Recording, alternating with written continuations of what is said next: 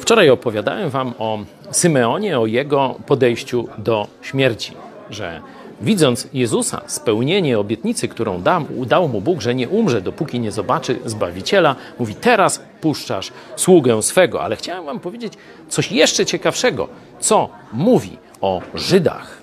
Proszę bardzo. Gdyż oczy moje widziały zbawienie Twoje, które przygotowałeś przed obliczem wszystkich ludów. Tu jest mowa o nas, czyli także e, zbawienie przygotowane dla Polaków. I dalej, światłość, która oświeca, oświeci pogan.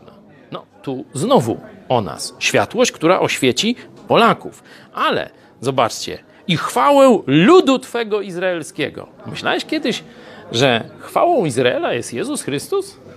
Zwykle oddziela się Jezusa od Żydów, a tutaj stoi czarno na białym, że Jezus jest chwałą, czyli chlubą Izraela. Warto w ten sposób spojrzeć zarówno na osobę Jezusa, jak i na naród wybrany.